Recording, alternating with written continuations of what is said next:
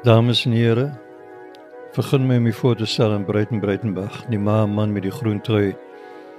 Hy is vroom en stit en name sy langwerpige kop om vir u gedigte te fabriseer. Soos byvoorbeeld Ek is bang om my oë toe te maak. Ek wil nie in die donker leef en sien wat aangaan nie. Breiten Breitenbach. 'n Ander skakering, saamgestel om saam te val met Breiten se 80ste verjaarsdag op 16 September 2019 deur Johan Rademan. Laat my dus u voorstel aan die dadiges en aandadiges. Martinus Passon, bekroonde regisseur van al drie Breiten se toneelproduksies. En vriendin van my het gesê jy moet 'n sekere persoon gaan ontmoet by 'n sekere restaurant en te draai dit ehm um, Breiten uit dit was verskriklik intimiderend en ons so 'n bietjie chin wag en uh, toe kom dit nou uit dat hy 'n opdrag gekry het van Pieter Fourie om 'n stuk te doen vir KAK die volgende jaar en ek die regie doen. Professor Petrus de Pre van die departement drama aan die Universiteit van Stellenbosch. Ek dink die tipe um, intertekste wat Breiten aktiveer in die in die werk is baie kompleks en beskuld dit af dat dit volksvreemd was. So dit is uh, baie Europese georiënteerde tekste wat wat hy gebruik het as verwysings en ek dink dat binne vir al die Afrikaanse teaterkonteks was dit baie vreemd geweest.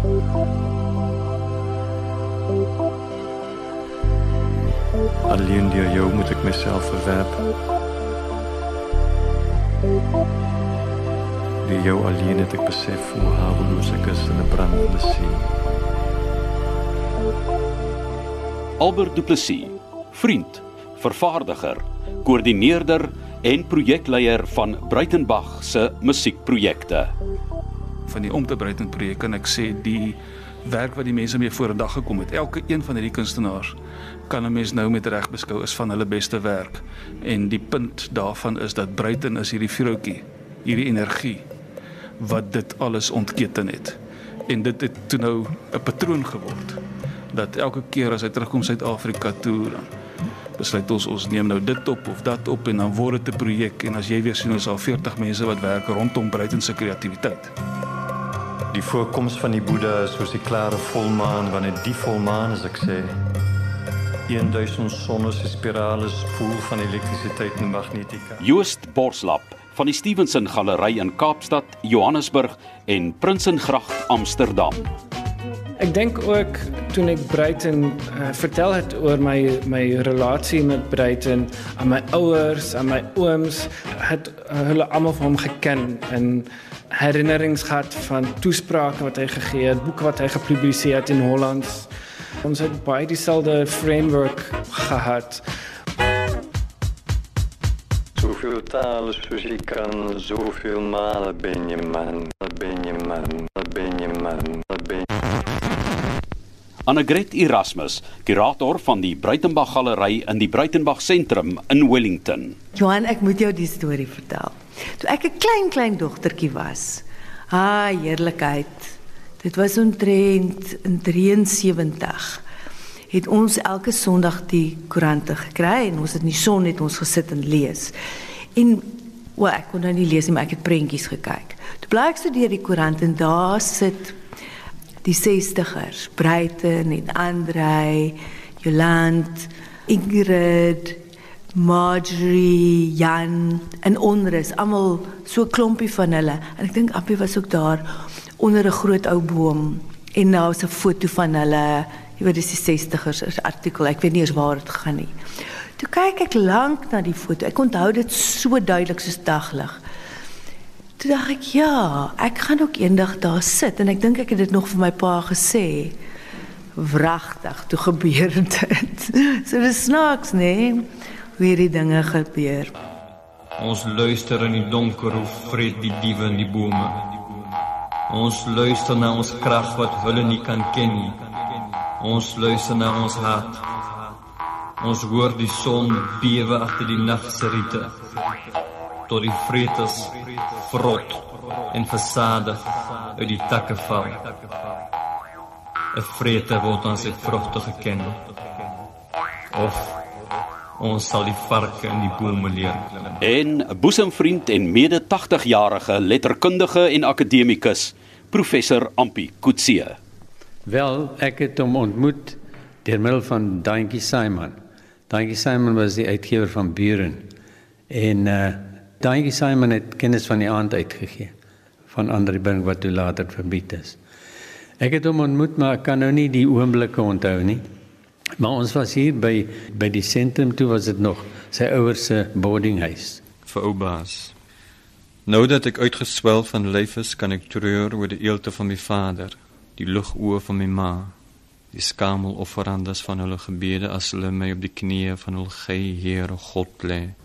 Ou Nooi het ek nie baie goed geken nie. Ons is 'n regte ou tannie, liewe mens. En sy pa was 'n uh, ek dink taamlik stroef. Maar ek het eendag met sy pa gepraat met ou Bas en oor Breiten en toe vra ek hom want hy was hoofseun op op uh, hier in Wellington. Het ek hom gevra of Breiten rugby gespeel het. Toe sê hy nee, hy was te bang. So, Dis die enigste naby ding wat ek van sy ouers gekry het. Hier waar die harde winters en nat somers met lyf ongenaakbaar skil, treur ek oor die soet hart van my moeder. My pa is stil in bitter krag. Vir onnooi. Vir u kan ek om die dood nie 'n bitter vers skryf nie, alhoewel dit die mode is om stikkend verby die moeder se been en mond te skel en die sandkastele van kinderjare roekeloos om te skop. If you put a line out to graze, he might well eat a tulip bird. The sun will appear in a daze, and I'd be stuck for a rhymey word. Caesar is born and I don't care. Hitler is born and I don't care. Nixon is born and I don't care. All masters gone away. The buildings in their water rend. Big brave soldiers bleed the turd. Die every day with doff to blend, and I shall write the runny word. Stalin is dying, I'm not scared. Franco is dying, I'm not scared. Foster is dying, I'm not scared. Old death wife will be made. Dit tussen u heupe gestamp het soos die dood. Soos 'n kraai in 'n bottel, soos 'n kykie piering van was sonder glas. Hier waai die wind deur my oë, vleermuise deur my rasies. Maar u kou aan my leë oë soos my ooglede, soos lig, soos dood met die klank van orgels en lepels en koppies en 'n rooi uil in die blare en motors en wekkers en geel vingers tussen hare. O ek het u lief. O bespotte vrye boom van die vrot vrot. Jy skryf met soveel deernis oor oubaas en ou nooi. Nou van die kreatiwiteit wat jy gekry het in al die forme. Wat was jou ouers se invloed op jou eh, kreatiwiteit? En dit was besonder musikale mense. Veral van my ma se familie. My ma se familie is Klutus, is waar Klutus sy naam kry. Hulle was 'n groot familie. En die Klutus was arme mense. Was wonderlike gesellige mense. Ek dink daar was iets so 17 familie of kinders in die familie. Elkeen van hulle het 'n musiekinstrument bespeel. Tot so mate so dat hulle blykbaar hulle eie orkesie kon saamstel en gereis het van plaas tot plaas naweek om vir die mense musiek te maak vir die danse en so aan. En natuurlik een van my eerste onthousels is my ma wat op die werf dans van waar die plaas was 'n nagwag die familieplaas. My oupa was uh, afdelingsraadbestuurder, 'n uh, lorrybestuurder. Wonderlike ou man gewees, baie statig, ou oupa Henny. So ek dink dis van daai kant dat hulle dit van self omgegaan, van selfsprekend omgegaan met wat skepend was, wat omvormend was. Want wat is dit eintlik waar kuns gaan? Kuns is tog maar net eintlik 'n verlenging van alle forme van kunsuiting. Is tog maar eintlik net 'n verlenging van die mens se besef van menswees en van menswees binne 'n spesifieke omgewing en van menswees binne spesifieke tyd en van menswees binne spesifieke taal en met daardie probleme wat daarmee saamgaan in die agtergrond en die lig en die dimensies wat dit vir jou oopmaak en so aan. My belangstelling vir visuele kuns is meer, ek dink is om my broers veral Jan Klute hy moes dit ook gehad het, maar ek was minder bewus daarvan. Ek dink dit was omdat ek my broer Jan, hy was 'n boekwurm En daar was baie illustrasies in sy boeke. Jy weet renessans afbeeldings van skilderye en so en dis natuurlik mense belangstelling geprikkel. En daarvan kom dit. Slaap nou. Voor gebuk intens asof luister na ons geheime bed. Die wimpels ontspan, versluier die gebalde oë, heininge om die geslote kloosters van die kykers saamgekolk in een helder tregte van leef. 'n kelk van lig. In 2018 by die Stevenson Galery in Woodstock in Kaapstad is die laaste Suid-Afrikaanse uitstalling van Bruiten Bruitenbach gehou. The 81 Ways of Letting Go a Late Self was die installasie met eh, van die eerste werke van 1968 wat vertoon is en Joost jou paie waar het dit gekruis met Bruiten? Die eerste maal wat ek Bruiten leer ken het was toe ek in 2006 by die galery kom werk. Ons het 'n prentjie gehad en op basis van hierdie prentjie het besluit sy boeke te gaan lees. So ek het hom geken as 'n ikon, as 'n skrywer, as 'n kunstenaar, as 'n held, maar nie as 'n persoon nie. Jy het ook groot geword tot op 'n jong ouderdom in die wêreld waar hy in 1964 by die Espace Gallery in Amsterdam sy eerste uitstalling gehad het. Daai Nederlandse verbintenis, koneksie met Bruiten, het dit later vir jou getel in jou kommunikasie met hom as 'n wêreldburger. Ek dink so, toevallig 'n uh, coincidence wat ons gehad het is dat sy die eienaar van die Space Galery, Eva Bendien, uit dieselfde klein plekkie gekom het waar ek van uh, groot geword het. Dis Arnhem gewees. Wat ook interessant is dat die die studio besoeke wat ek nou met hom het Ons praat 'n bietjie Engels, ons praat 'n bietjie Afrikaans en ons praat 'n bietjie Hollands en ons wissel so tussen die drie tale. Wat ook besonder is, ons sit hier na 'n prentjie van Moshe Kwalanga, 'n Suid-Afrikaanse kunstenaar wat in die einde van die 90e jare in Amsterdam en Parys het gaan woon. En ons het alle drie saamgekom en Hollands gepraat, Frans gepraat, Engels gepraat. En dis 'n dis 'n wêreldburgerskap wat ons gemeen het en wat ons deel en wat die verbintenis baie sterker maak. Slaap nou. Roer. Jy breek die lig met jou hande. Hoe narkoties is die walms in dieptes van jou hals. Vir jou offer ek hierdie hande vir lug. Neem. Eet. Drink. Leef. Neem op my hande en die stap van my lyf. Lag nog eens in jou drome, my blom, my vrug. Hoe jy nie, hoe koud die nag aan die dak. Maar hy het in 1964 die eerste maal in die wêreld in Amsterdam sy eerste solo-uitstalling gehad en toe eers in 1993 in Suid-Afrika en toe eers in die nuwe millennium hier in Wellington kom uitstal. En dis eintlik iets wat lankal moes gebeur het. Dit was seker 'n besondere ervaring vir julle Ja Johan dit was groot geweest dit was die 3de Maart 2012 toe het hy 'n groot uitstalling hier gehad met naam van Ombre Squee. Die bywoning was fenomenaal. Die werk was heeltemal anders. Ek dink nie Suid-Afrikaners ken sy werk baie goed nie, so dit was vir hulle 'n absolute ervaring. Groot sukses, groot eer gewees om hier te gehad het. Net om te sê die boarding house is die teater hierso by die Breitenberg sentrum en dit was hier in die galery gewees. Ontsaat in bone maak die mondpatrone staan swart op jou tone en jaar en jaar. Baie belangrike ding om te weet oor Bruiten is hy gaan nie vir jou sê wat die skildery beteken nie. Hy gaan nie vir jou sê wat die urges om die kuns te maak nie. Hy hy maak die kuns, hy praat daar baie pragtig omheen. Hy hy hy circumnavigate die skilderye, maar hy gaan nooit sê dit beteken dit nie. Maar byvoorbeeld in daai uitstalling, die laaste ene, 'n groot portret gemaak van Leonard Cohen wat daar staan met die hoed wat inloer deur 'n venster dan daaronder in die hoek was daar 'n kraai gewees. En net daarna is hy oorlede Leonard Cohen, maar die laaste CD van hom wat uitgekom het. Die omslag was 'n foto van Leonard Cohen maar 'n foto gewees wat basies 'n replika was van die skildery wat Bruiten gemaak het en die twee het nie geweet van mekaar nie. So ja, alles dis ongelooflik hoe mens deur hulle werk verder kan sien amper. Natuurlik dink ons almal die voël is Bruiten, want dit is 'n naam wat hy ook in sy skrywe gebruik vir homself.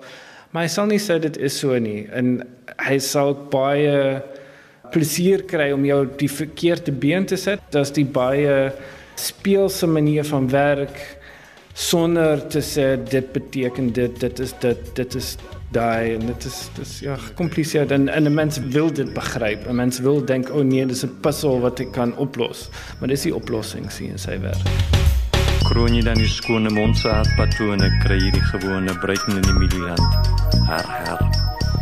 Want ek red as 'n mens kyk na Bruiten as openbare figuur, maar dan as kunstenaar in die geheel, dink jy mense onderwaardeer hom in terme van sy wêreldstatus? Ek dink beslis so Johan.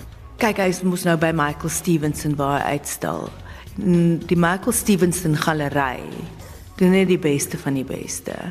En mense in hierdie land onderskat sy kuns veral. As jy kyk na die invloede in sy kuns, dis fantasties. Jy weet hy het in daai jare, 60er jare Parys Spanje, die invloede wat in sy werk inkom. Die Dali, die Magritte, jy weet dis al daai invloede wat hom as kunstenaar basies geskep het. Ek dink die probleem as mense na 'n Breiten Breitenberg uitstalling kom kyk, is dat hulle die held, die skrywer in hulle gedagte het.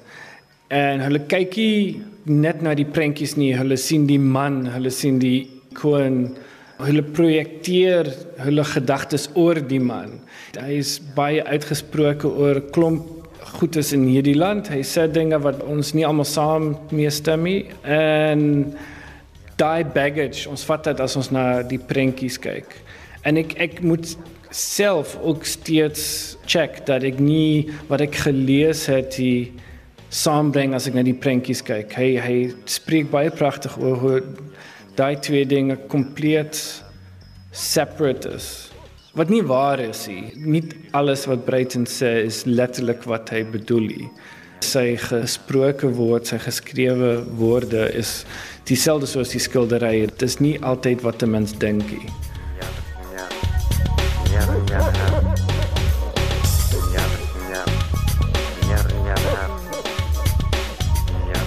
Die tyd toe kom ontmoet het was toe hy hierso was vir sy eerste besoek hy in jou land. Daar was 'n politieke herrie toe omdat sy nie wit is nie.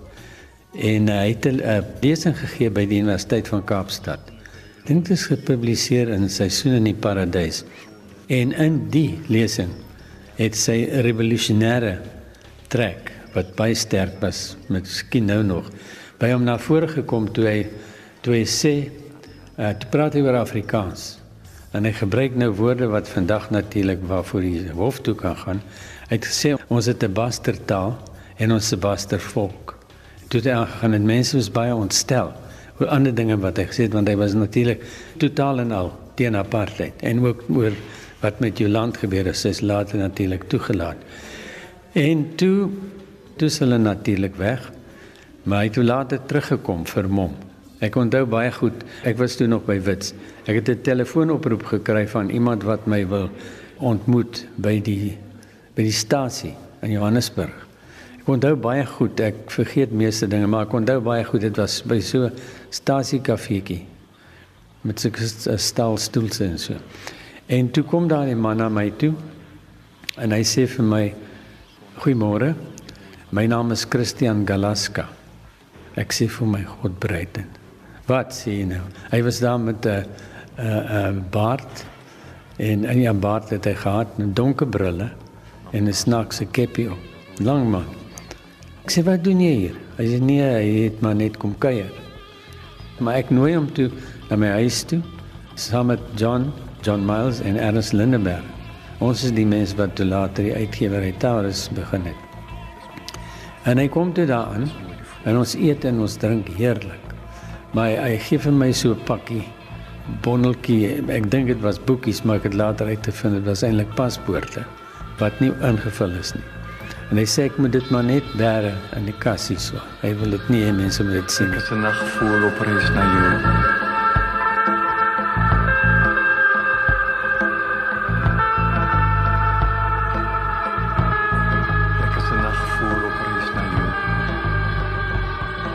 Maar hy het niks vir ons vertel van wat hy doen nie. En nou ja, toe toe is hy natuurlik gevange geneem. Interessant genoeg het die owerhede vir jou reëls neergelê. Nee, jy kan maar skryf en dig en so my mag nie skilder nie. Omdat skilde is enigiets wat met jou hande gemaak word wat 'n objek word, is onhandelbaar in die boep. Jy gaan dit uh, verruil versnout met een van die ander langanas. Uh een van die ander gevangenes en so. Nou, dis al wat hulle bekommerd maak. Hulle het verkeerdelik gedink hulle kan woorde verstaan. Jy weet jy kan dit beheer. As ek 'n ding verstaan, as ek dieselfde taal praat as jy, dan weet ek mos nou. Jy dan, dan jy dink jy daaraan as jy vir 'n steen is, vir 'n steen is 'n gevangeniswoord vir 'n bewaarder. Jy dink jy aan as jy vir 'n steen is dat woorde is verraderlik nie. Die ontstaan van verraad is die woord wat ons dink ons op dieselfde manier verstaan. Maar dit wel besef dat beelde uh is 'n manier van hulle beheer ontsnap. Jy ontsnap, jy jy beweeg buite die tralies. Dit was verskriklik gevaarlik in die sin dat jy sit in die teenwoordigheid van uiters gevaarlike mal honde. En hulle is so onseker. Hulle is so beseer psigies. Jy weet hulle is so gekwes. Hulle is so en daarom is hulle so gevaarlik. Hulle psigopaties. Jy weet speke van wyk wat so staan en sê sê skof so skawe teen die kusyn van die sel deur. En sy hande so enorm groot en jy kan sien God gee my net die verskoning dat jy kan donder jou kont, jy weet. Dan weet ek mos wie ek is. Jy moet nou nie met my kak skiet nie. Ek is 'n nagvoel op in my Jy weet kom ons praat nou oor dinge so werklik is man. Dis mos wit is wit en swart is swart man. Moet nou nie kom met al die ander goed nie. Jy weet dat ek myself kan myself kan ervaar dat ek myself kan vereenvoudig deur jou te donder. Dis eintlik waarop dit neerkom. En natuurlik dan dat jy seker in die proses. Die ervarings van Jy weet? Broodryk, kalfie broodryk wat met 'n traan in sy oog sit terwyl jy weet hy het mense gemartel. Jy weet dis hy wat vir brandvuur en ander mense gearresteer en so aan. En jy weet wat die ondervraging beteken, waarop dit afkom en so aan. Jy voel die simpatie daaraan. Hy's 'n pa figuur vir jou. Hy's die enigste mens met wie jy elke dag mee moet omgaan wat ouer is as jy, Die soort van. van nachtlikse seisoene as skool bevry hier. Jy weet ek wil net ook 'n ander ding sê. 'n 'n Mens moet ook onthou die mense wat nou onbewind is, baie van hulle is ook soortgelyk seer gemaak, gekwes. Ehm uh, geamputeer of wat ook al. Mense kom nie daai soort van ervaring ongeskonde nie. En ek dink baie van die verskriklike vuil dinge wat hulle besig om te doen, en besig om mekaar te verraai en wat ook al. Dit kan 'n mens helê daartoe. Ons het dinge aan mekaar gedoen wat ons nie dis wat ons werklik van mekaar behoort te sê die agentskap wat hulle van jou wegneem. As jy byvoorbeeld in 'n sel aangehou word en iemand word gedonder. Hy huil in die gang buitekant. En jy weet jy kan niks aan doen nie. Jou normale mense insing so sê, "Hey, jy kan mos dit doen aan 'n man nie of aan wie ook al nie." Of jy hoor die twee ouens of drie ouens wat in die pot is wat môreoggend gehang gaan word en hulle sing deur die nag. Jy weet en jy kan niks aan doen nie. Dat hulle doen iets aan jou wat geforseer word om toeskouer te wees. Jy word deelnemer daaraan omdat jy niks omtrent kan doen nie. En dit is ook wat gebeur het in hierdie land. Dit is ook tot 'n groot mate wat gebeur het. Ons moet daai goed ook oppraat. in die blou kraai is oor van matrose.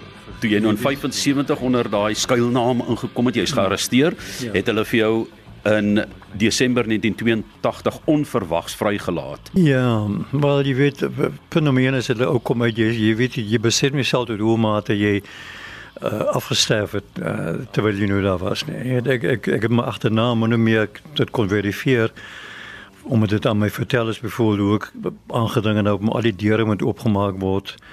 Jy wil net vaslig hê en en en hoe bang jy is dat jy gaan jou kop stamp. Ek dink daai eerste periode na die gevangenis was ek wil niks meer weet van Suid-Afrika nie. Ek wil nie naby daarby kom nie. Uh ek wil so ver moontlik wegkom.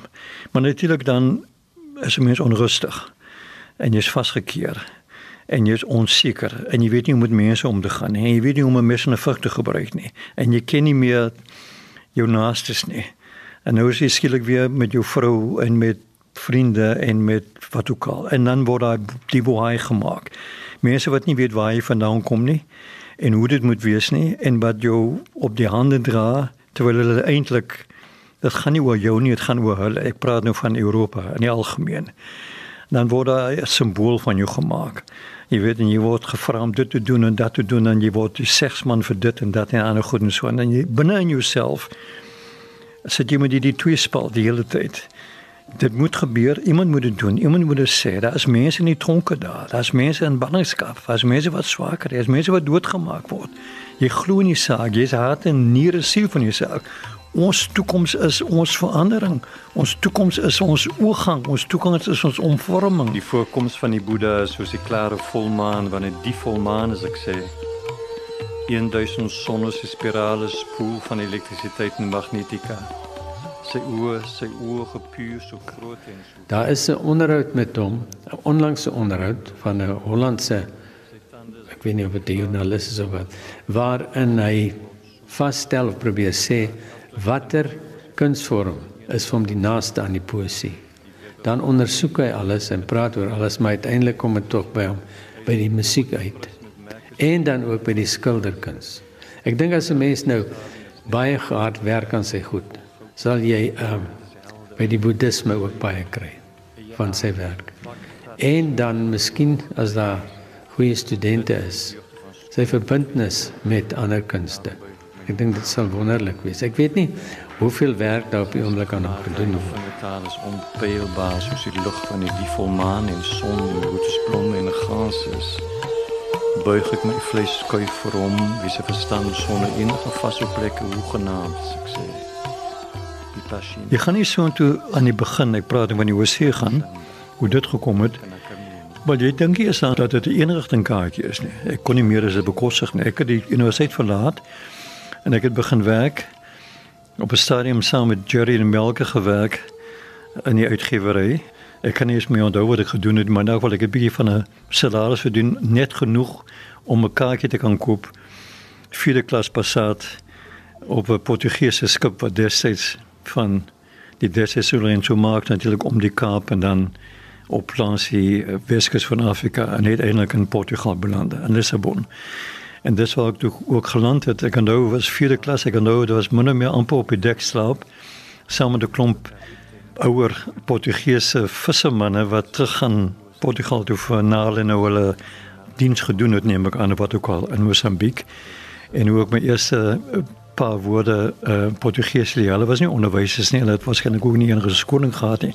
Maar die ou vir my sê, "La mare está calma." die see is kalm en dan moet ek nou agterna sê en so aan. En uh toe daar aangekom in Europa. So ou is heeltemal naïef en dit's wonderlik want jy's blindelings. Jy sou nie dinge doen nou sou jy nie sulke dinge doen nie. Ek wil my afdruk op jou laat. Ek wil jou brandmerk met die vuur van alleen wees. Geen vuur sing so mooi soos die sil. Hy's natuurlik ook 'n romantikus tot 'n mate. Maar hy was altyd revolusionêr in die politiek en in die letterkunde en in die drama. En uh, ek dink mense was vir hom bang geweest. Maar jy sal weet Johan, hy's nie 'n figuur om voor bang te wees nie. Hy's eintlik 'n grapmaker. En hy praat langer as wat hy moet praat. Hy jou uitvrouer 'n stoel, dan sal hy vir jou begin met die stoel in die middeleeue. Hy's baie lief daarvoor om te praat.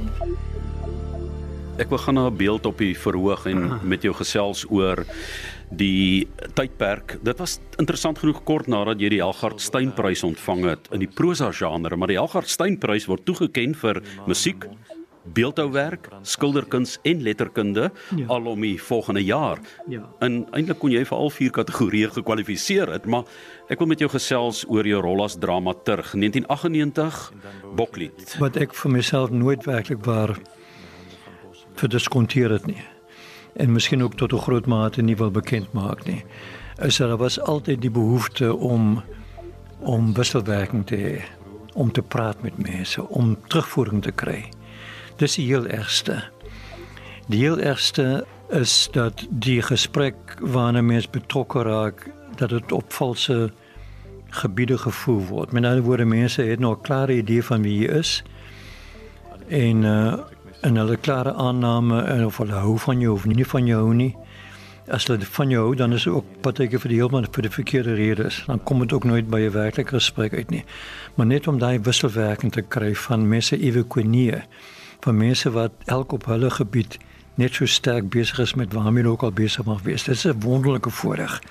Daar het die hele teaterwêreld het vir my oopgegaan. As dit nie daarvoor was, sou mens heeltemal verdorp.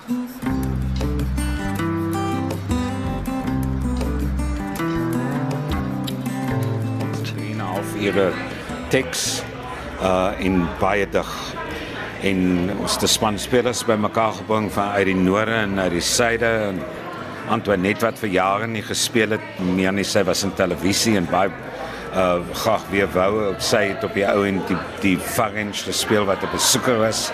En hy praat 'n taal wat niemand verstaan nie en daar's geen verduidelikings byvoorbeeld nie. En Antoinette tantrums gegooi en gesê ek weet nie wat ek sê nie en hoekom sê ek dit en wat gaan nie aan. En met die tyd het Brighton vir ons gesê hy het so 3 weke in repetisies kom besoek af lê baie krities gewees op wat ons doen maar hy het ook gesê o nadat ons vir hom gepols het en 'n bietjie arm gedraai het het hy gesê dis baskies. So taveland ongaartes noor balester al pilare oorrenden neho die baske het sy poesie vertaal en gepubliseer sonder toestemming so hy het dit teruggesteel het opgeknip en dit is wat French praat. So wonderlik ons moet self sin maak en taal skep nie dat een van ons baskies ken of geweet het wat dit was nie of wat ons sê nie. Maar ja so daar was groot uitdagings wat dit betref maar wat 'n wonderbaarlike proses om te werk aan iets soos dit. Dames en here, lede van die polisie, die veiligheidspolisie, nasionale intelligensie, militêre inligting. Jy kan nie dink omdat jy 'n gedig geskryf het jy kan daarom uh, 'n dialoog skryf wat wat staande gaan bly, wat op sy voete kan staan op 'n verhoog nie. Dit is 'n spesifieke dissipline. So ek dink dit was nogal vir my 'n bietjie van 'n 'n nederigmakende, 'n bietjie van 'n beskaamende ervaring om te besef 'n mens moet nie eenvoudig gaan sit nie, moet leer hoe dit gedoen behoort te word. En dit wil ek toe probeer doen tot 'n groot mate. Byvoorbeeld ek dink my neiging sou wees om dieselfde stem oor te dra van een persoon na die ander. Nou hoekom dan? Wat is dan die belang daarvan? Waarom sou mense belangstel as sien nou maar jy vier persone op die verhoog wat eintlik maar met dieselfde stem praat? dieselfde idees het of wat ook al. Met ander woorde, jy gaan 'n karakter probeer maak en jy gaan probeer dink aan wat daai karakter behels en wat dit beteken. En daar is dinge wat mense kan doen. Jy weet ek het vir 12 jaar lank klas gegee elke jaar vir 'n seisoen aan die Universiteit van New York in sogenaamde creative writing.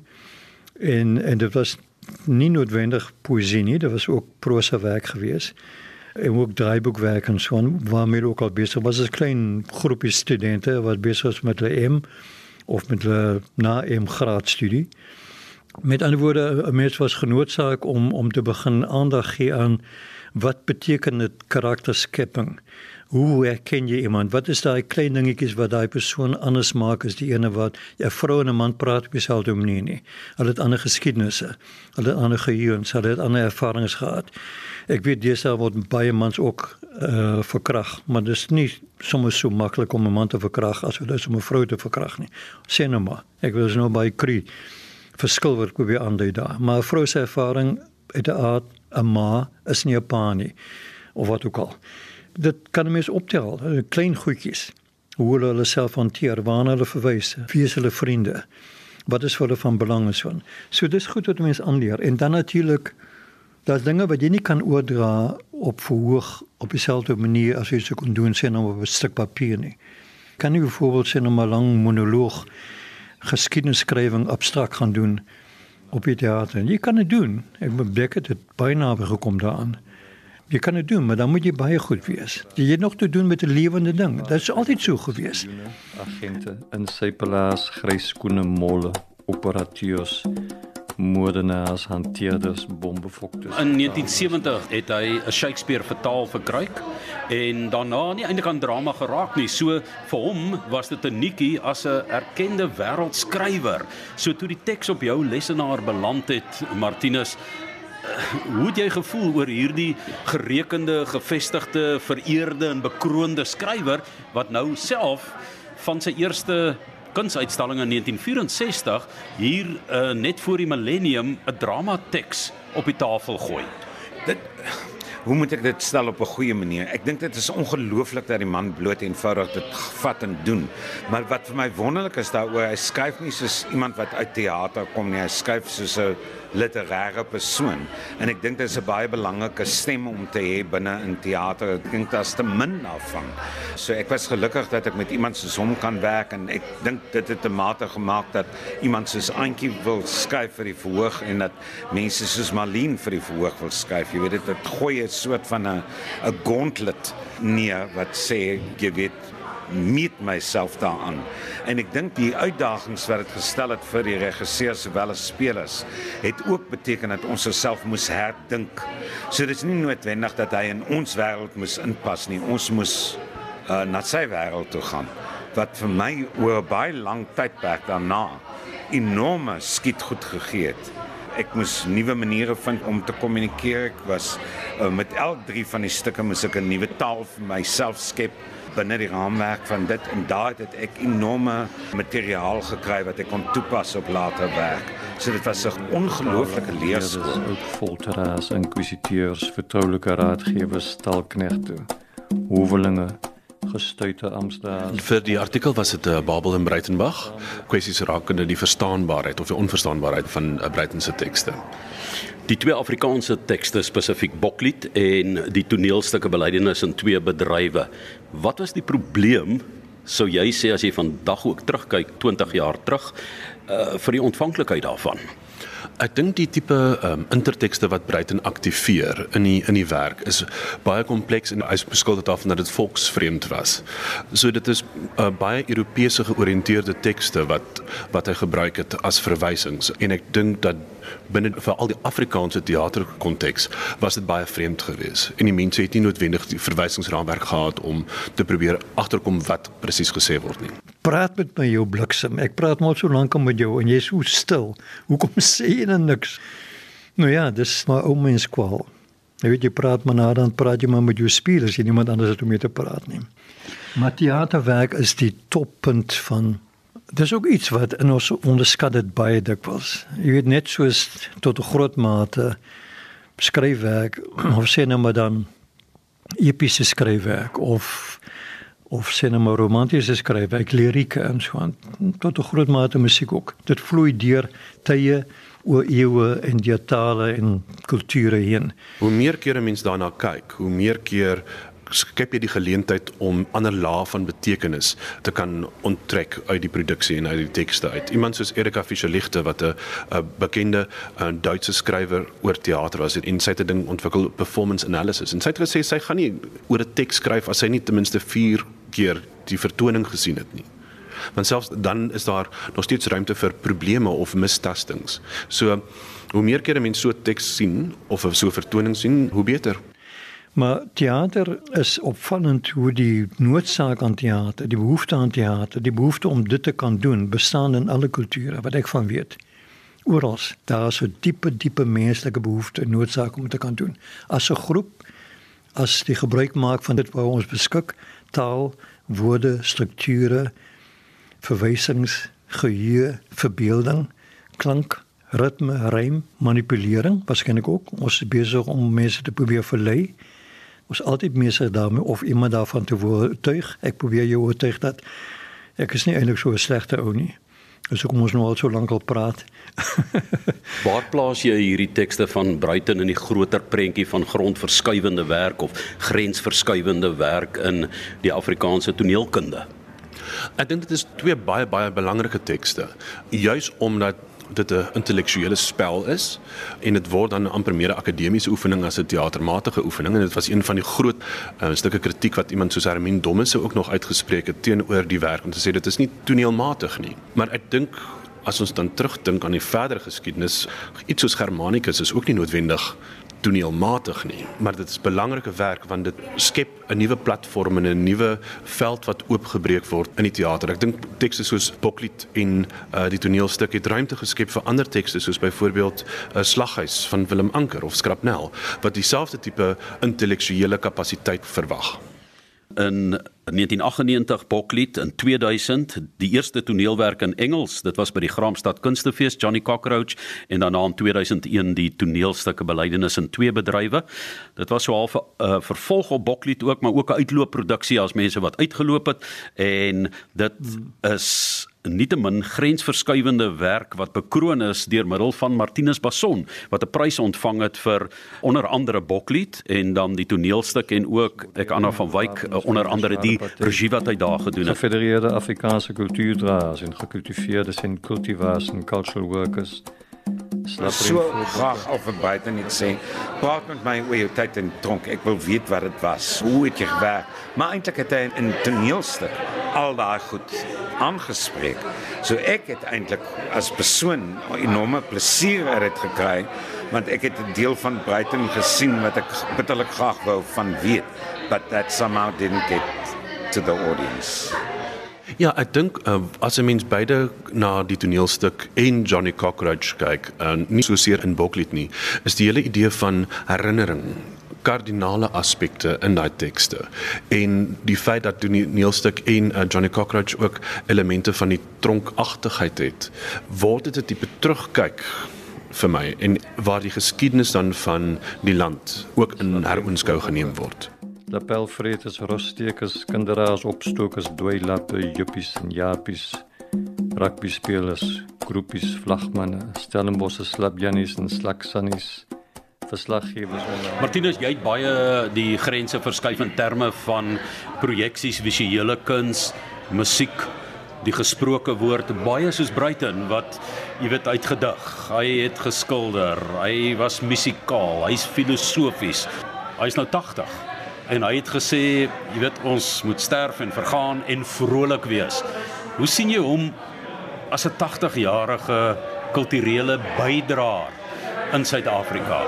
Wel in eerste plek moet mense net sê Brighton is nie 80 nie. Brighton is ewigdurend 'n beskaafde 30.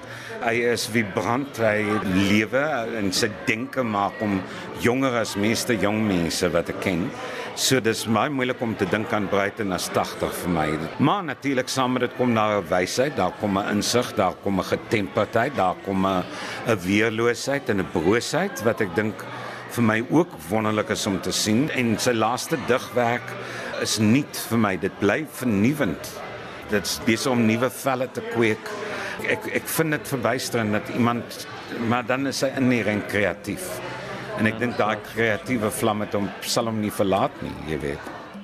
Hedoniste en anarchiste en kombuiskommuniste en bolsjeviste en visverkopers en omgewingsverskriktes en voyeur en ontsteltenisverstiktes en beswaardes. Liere van Medusa. Brass en Chabas en Chinas en Chome en Pelle en Majitas en ministers en ander people pilots. Kamerade en kamerads. Broers en susters, kortom. Liewe mede-Suid-Afrikaners. Ek het nie troos nie en ek stink van die kontradiksies. Na die toneelstuk toe een of ander brede media Bobbejaan en hulle is dan God weet ons lewe in 'n skulp van uh, 'n omgewing van media Bobbejane van bo tot onder. Ek glo nou al met Orien Milan, mense moet jouself 'n dissipline oplê. Ek gaan se Here weet nie vat aan enige iets aan die media voor 12 in die oggend nie. Want ek gaan so giftig word as ek goed moet lees of moet hoor voor 12 in die oggend dat wie ook al vir my wil eet gaan doodgaan onmiddellik van vergiftiging. Jy weet, en ek gaan dit nie doen nie. Ek maak myself dood. Ek gaan myself dood om dit te doen. Jy weet, ek weet nie hoekom dit so is nie. Ek ek dis nog nie 'n aantekening nie, maar ek weet dis druk en dis as ek al was ook self gedoen het, maar in elk geval. En ek dink iemand soos Joland byvoorbeeld sou doen nie vir jou op hierdie manier sê nie. Goddank. Een bubbelbek in die familie is al genoeg. Sy sê so my pimpel en pers knyp omdat ek te veel praat en omdat ek te veel afwy en te kere gaan en afgelei word. Maar dit is eintlik waar dit vir haar ook gaan. Sy is besig om 'n wêreld te verbeel en intens oop te maak die wat sy tot haar beskikking het. En ek dink sy is 'n lewende voorbeeld daarvan van iemand sy is nie die onderwerp van iets nie. Ja, sy is nie 'n objek nie. Jy weet sy is nie net iemand wat in 'n vensterbank sit gemaak word nie. Sy is 'n lewende mens. Sy kom met al daai agtergrond, sy kom met al daai familie, sy kom met al daai stories daar agter. Sy kom met die feit dat haar pa uh, gouverneur was van die Delta streek in destydse Suid-Vietnam. Sy kom met die feit dat 'n uh, ander oom van haar wat ek self leer ken het in Hanoi 'n groot man was in die kommuniste party wat gevang is deur die Franse en gemartel is deur die Franse en by die wysste mens, een van die mees wyse mense wat ek ooit geken het. Dis al daai agtergrond, dis al daai diepte daar. En sy kom en sy bring dit en sy is bereid om dit te deel. Sy het meer vriende in Suid-Afrika as wat ek ooit sou hê mense wat met wie sy op intieme manier kan omgaan en met sy gesels en so aan. Sy stel meer belang in die familie. Sy weet meer van die familie, my familie. Sy is op 'n groep, 'n WhatsApp groep. Hulle is besig om te kommunikeer, besig om te praat. Daar's tweede, derde geslag mense by betrokke jonge mense wat ek nog nooit van gehoor het nie. Sy besig om dinge. Hoekom? Maar sy besig om iets te verbeel. Nou moet sy nodig het nie. Maar sy is besig om 'n wêreld oop te maak en dan ook met die kind saam mee saam wat sy agterlaat, wat sy los. Ek weet mos want ek lewe die hele dag daar mee saam. Daar kry ek ook swaar. ek ek gaan my verstand in 'n middelpaadjie. Kom die grys ding in die wit skottel tot vervelings en dan by die blou dag wanneer die vol blou is. Die oogse raam en vandag. Natuurlik baie van musiek gehou. Hy het self backflaky gespeel, baie goed. En dan so 'n bietjie uh, boere musiek, jy weet, saam met die backflaky. Dit was baie mooi, heeltemal onverwags. Ek weet nie of hy ander eh, instrumente speel nie. Hy's natuurlik heel en al 'n talentvolle mens. Toneelstuk, skilderye, musiek, ehm um, wat is dan nog? Poesie, prosa ook. Baie prosa. Sy beste prosa is die wat meer literêr is of die wat uh ook revolusionêr is. Ek is nie baie beïndruk met baie van sy ander prosa nie. Maar dis nou maar my siening. Ek bedoel ek sê nou maar net so. Ja, ek kan net noem van die alomteenwoordigheid van sy werk.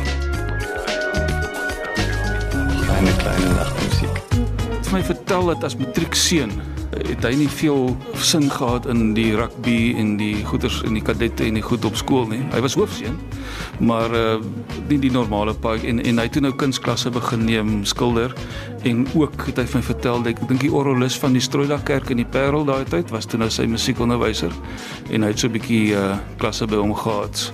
So daar is 'n musikale agtergrond daar en hy het ook vir ons vertel dat sy familie Kloete, hulle sy broer hulle 'n ou familiebeeenkoms het almal 'n instrument bespeel en dit was 'n groot musikale storie.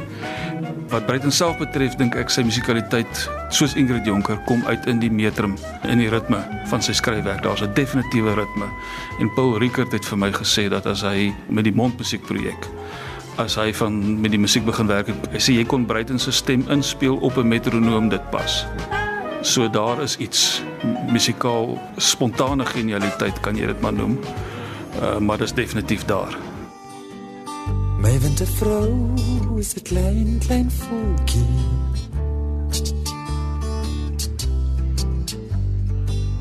My wintervrou het my drome so gaan gooi. Albert Du Plessis is die musiekprojekleier van al Breiten Breitenbach se musiekseries wat uitgekom het. Albert, hoe het julle paie gekruis? As student is ek uh, blootgestel aan Breiten se werk ook in 1981 het ek gehoor hoe die liedjieboer Anton Goosen 'n stuk met die naam Om te Bruiten vrygestel het op sy plaat Yours Truly. Dit het my gedagtes aan die gang gesit dat al is Bruiten se werk nie tradisioneel rymelary nie, die vrye sogenaamde vrye vers dat dit tog in musiek omgesit kan word en ek het erken dat daar is 'n metrum, 'n ritme wat mee gewerk kan word. Dit spring eintlik uit uit sy werk uit die musikaliteit daarvan. En uh, lank met die idee rondgeloop en toe self ook 'n stukkie in musiek omgesit, maar eers 20 jaar daarna hier in die Kaap het my paie weer met Anton Goosen gekruis. Uh een aand vir hom klank gedoen by 'n konsert en ek het vir hom voorgestel maar kom ons uh, kyk of ons 'n projek kan bymekaar kry wat ons gee Bruiten se geskrewe werk vir enige musikale kunstenaar en vra of hulle daarmee wil werk en of ons 'n projek kan saamstel daarvan. Breiten, Breitenbach, DVK, gedigte, hip-hop, luister, praat, print emosies, expressies, luister woord, gedigte, praat, prente, hiphop, gedigte, luister, prente, praat. Ek was op daardie stadium nog glad nie in die musiekbedryf betrokke nie. Ek was nog by 'n ouditeursfirma gewees. Maar ons het toe begin rondskryf en uh, befondsing gekry en mense bymekaar getrek en studios begin bespreek. En op die ou end het ons toe 'n hele klomp mense, uh, Steve Hofmeyer, David Kramer, William Swart, Wouter van der Venter, Janus Kerkorrel, Amanda Strydom, Brasse van die Kaap, Lorenda Hofmeyer, Piet Botha, Mynie Groewe, Lise Beekman, Battery 9, Lise Stassen en Anton self gekry om by te dra en ek kan my moeilik indink dat mens vandag 20 jaar later weer so iets sal kan regkry en al die verskillende vure waar die mense intussen gaan sit het. Kortom, liewe mede-Suid-Afrikaners. Soos ek sê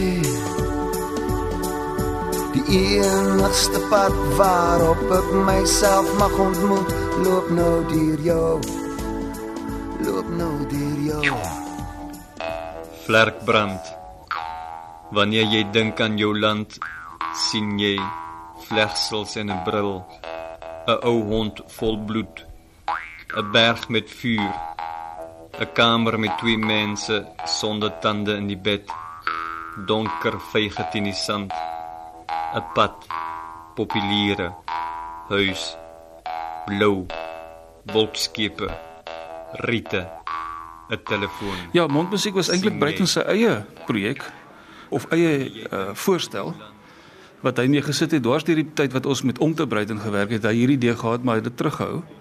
En toe ons klaar is met met om te Bruiten, toe sê hy vir my maar daar is opnames van die 60er jare wat soos hy uitgestel het 'n uh, deur mekaar vriend van hom met 'n woeste baard en 'n trompie het eendag met 'n bandopnemer by hom aangekom en uh, hulle het hierdie opname gemaak van as jy dink aan jou land, as jy dink aan jou land, woordspeling op sy vrou se naam. En dis die stem van 'n uh, 24-jarige Bruiten wat toe al met sy eie ritme dit in musiek omgesit het. En ons het dit as 'n vertrekpunt gebruik vir mondmusiek wat toe nou Bruiten se eie stem is. Hoor jy? Ons is die volk. Ons is swart, maar ons slaap nie. Ons luister in die donker hoe vreet die diewe in die bome. Ons luister na ons krag wat hulle nie kan ken nie. Ons luister na ons hart. Ons hoor die son bewe agter die nag se riete. Tot die vreters vrot en versadig uit die takke val. 'n Vrete word aan sy vrugte geken. Of ons sal die varke in die bome leer klim. So daar's weer 'n wending in jou kreatiewe loopbaan met die millennium se aanbreek. Is dit die Kloete band, die 17 dink jy wat 'n bietjie uitgekom het daar? Kloetewil, Kloetewil se band. Dis enig wat ook aan trots op wees het. Blykbaar was die oorspronklike eienaar van Groot Constantia, dis een van die voorvaders van die Kloete. Maar ek is ook net so trots op dat die oorgrootste meerderheid van Kloetes in die land is hoegenaamd nie wit Europeërs nie. Het ek vir Joland dinge help oopmaak wat sy andersins nie by sy gekom het. Ek dink ek het al tot 'n groot mate soos dit maar dikwels gebeur in ons soort van verhouding nog steeds in die wêreld. Die man is so geneig om breebos voor te loop en al die ligte steel, jy weet, en al die roem wat ook al of die erkenning te kry daarvoor en 'n mens besef nie eintlik altyd dat dit 'n onkoste is van die ander persoon wat miskien in die skadu lewe en wat miskien veel swaarder kry en wat veel meer moeite moet doen om die dinge in die gang te hou en mens het met hom min of meer lewend gehou terwyl sy ook besig was met die eie dinge. Ek dink nog steeds uh, sy behoort veel meer erkenning te kry, maar sy sal nie saamstem nie, want sy sal ongemaklik wees daarmee. Mense sê sy is nie verniet wat sy die ooste kom nie. Uh, sy gaan haarself nooit vooropstel nie as daar dan een kunswerk is wat sy net maar man voor moet staan, nou is dit waarskynlik wat vir my lewe geword het. Ek wil haar nou nie verantwoordelik hou daarvoor nie, maar as sy iets goeds is, ek sê dit is danksy haar. Die slegte het ek op my eie gedoen. And of what will the heart continue to sing?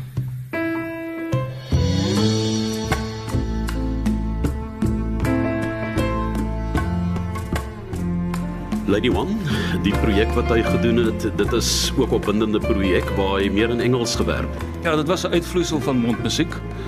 En uh ons het meer die Engelse kunstenaars daarbey betrek en so ook sy stem in uh uit self gedigte in Engels voorgeles, sy eie vertalings. En uh dit het ook sy eie hoogtepunte meegebring en vir hom bietjie wyeer blootstelling gegee op 'n internasionale vlak of uh toeganklikheid vir mense wat in die Afrikaans verstaan nie. En uh dit het baie gehelp met sy internasionale profiel dink ek. As jy nou op die internet gaan en jy soek Lady One op, dan sal jy van daai opnames kry.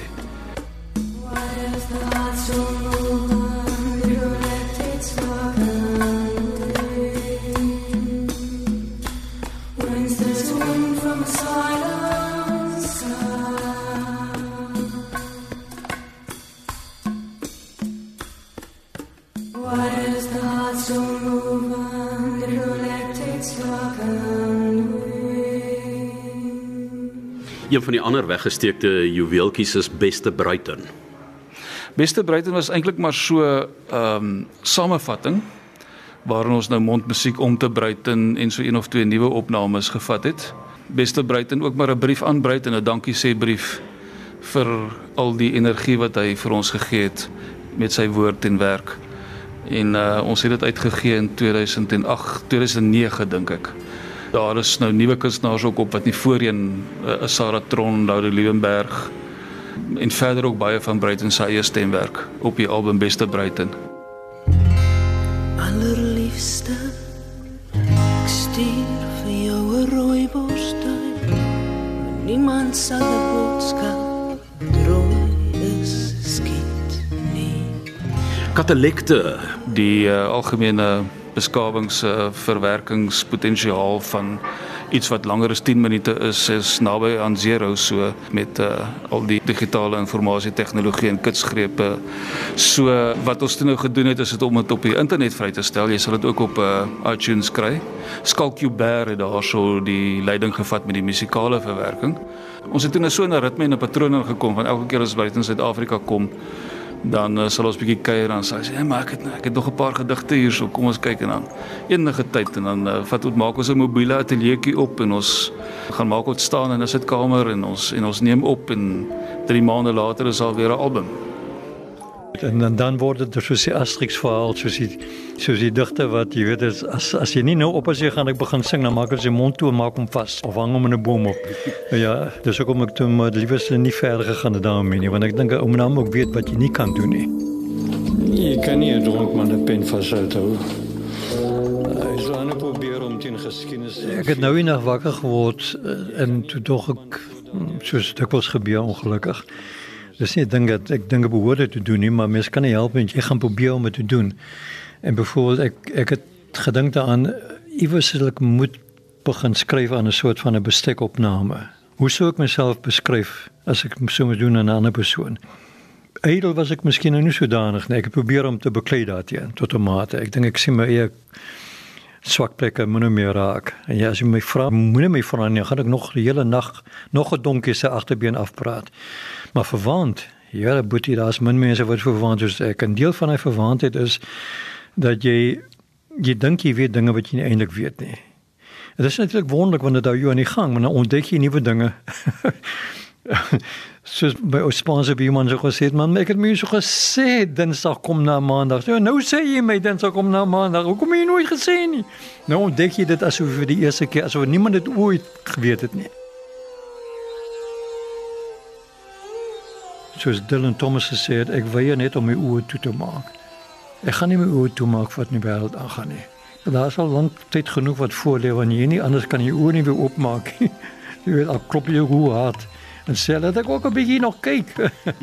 Geen net vir my 'n kykie my baas. Nee nee, ek ben net nog so laat ek hier kry. Ek gaan nie mooi werk nie, maar ek gaan so waar die vragtig nie het enige my oë toe maak nie. Al weet ek ook ek kyk skeel en ek het bysiende en ek kyk verkeerd en ek interpreteer verkeerd. So met ander woorde daai verbeelding.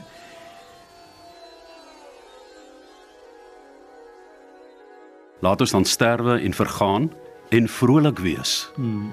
Daardie woord, vrolik daarin. Ja. Is dit wat jou dryf deur die tye om tog teen die agtergrond wat jy het die verliese wat jy gely het, dat jy nie jou eie ouers, jy weet se siekte, begrafnisse kon bywoon nie, dat jy nog 'n vrolikheid het in jou. Well, ja, ek ek ja. Jy weet dis dis nou die voorreg ook weer, die absolute voorreg wat 'n mens gehad het om op werklik uh, intieme daaglikse manier te kan omgaan met oosterse denkwyses en filosofie. Ek, ek verwys spesifiek na my oomie se Daishin Deshimaru, die Zen dojo in Parys dat jy doodgaan en terwyl dit besig om te gebeur, dis daai twee wat die hele tyd saam verstrengel is. Jy kan dit nie ontstrengel nie. Dis geen rede om daaroor te sit en kla of daaroor te sê nou, dit beteken nie mense minag of of of onderskat of wat ook al nie. Dit is 'n wonderlike werk. Dit is 'n wonderwerk om mense kon weet. Ons ons besef nie hoe ons misbruik daarvan maak nie. Ons as spesies. As ons kyk hoe ons die res van die wêreld verskom met die woord opgestel en bos het opgefokket van 'n kant af. Maar ons nou is waar die wêreld begin dink ons het nie meer krediet nie. Ons is miskien nou 10 jaar oor en dan is alles oor is verby. As as jy nou maan toe gaan nie of as jy nou Mars toe gaan of Jupiter toe gaan nie dan as daar nie meer heen kom nie. Hè? En wie het dit gedoen? Dis nie die ape nie. Dis nie die bome nie. Dis nie die visse nie, dis nie die dolfyne nie, dis nie die walvisse nie. Dis ons wat dit genoem het. Op ons eie het ons gedoen. Nou as ons nog klaar daaroor. Maar ons nog dan ons nog sê ook wees. Dis mos daar nog regte waar bietjie te veel. Jou asem is nie 'n baan nie. Jou asem is nie hier of daar of elders nie. Asem vra uit asem. Wat is asem? Bruiten Bruitenbach, 'n ander skakering is saamgestel om saam te val met Bruiten se 80ste verjaarsdag op 16 September 2019 deur Johan Rademan. Ja, dit is 'n voorlike ding om mee te wees. Is 'n wonderlike ding om mee te kan wees. Dit is 'n sang, dit is om te sing en te dans. Jy weet die ou Indiane het geglo jy dans jou dood. Daai dansende digtersfees was nie sommer so nie. Jy jy dans die gedig, jy dans jou lewe. Uh alles ook 'n ook 'n dans sonder beweging. Dit is ook net in die woorde self, maar dit is nog altyd so. Maar ek wil nou as ek nou ietsie mag vra, vir jou 'n gedig skryf wat 'n gedig letterlik Uiteindelik was alles maar net 'n geval van skadu en lig. Dames en here en ander maniere. Magitas en wyfies en stroopwafels. Woordstapelaars en aasdeskundiges. En dis moerse windverkopers, konselaars, jong meisies, baarddromers, messtekers, mense. Begin my voor te stel aan Bubbleback rivier. Nou daar geen water meer is om oor die klippe te kabbel nie die mal man in die groen trui. Kyk hy klop op sy bors op soek na haat en seël julle besies en bespot julle smat in bitter rymelary om nie te huil nie want woorde is vry en sonder betekenis. Kyk, hy het elke denkbare skade berokken. Wees die fucking boeklong tog genadig. Wat is asem?